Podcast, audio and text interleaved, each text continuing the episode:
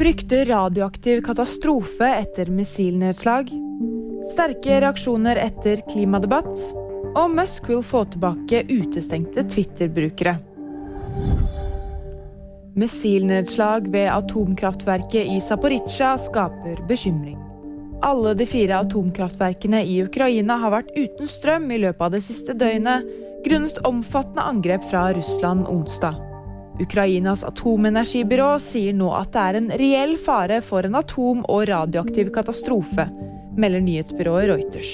Viktige sikkerhetskomponenter har likevel ikke blitt slått ut, ifølge Direktoratet for strålevern og atomsikkerhet. Det ble sterke reaksjoner etter torsdagens utgave av Debatten, hvor klimaaktivisme var tema. Det jeg definitivt ikke kan utelukke heller, er at eh, vold vil eh, skje.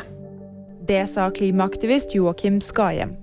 Skahjems uttalelser skapte reaksjoner både i NRK studio og senere i sosiale medier. Twitter-eier Elon Musk sier at suspenderte Twitter-kontoer vil gjenopprettes fra neste uke. Kunngjøringen kommer etter at Musk publiserte en avstemning hvor han ba folk stemme over gjenopprettingen av kontoer som ikke har brutt loven eller vært engasjert i grov spam. 72% stemte ja. Og VG nyheter de fikk du av meg, Fride Rivø Lie.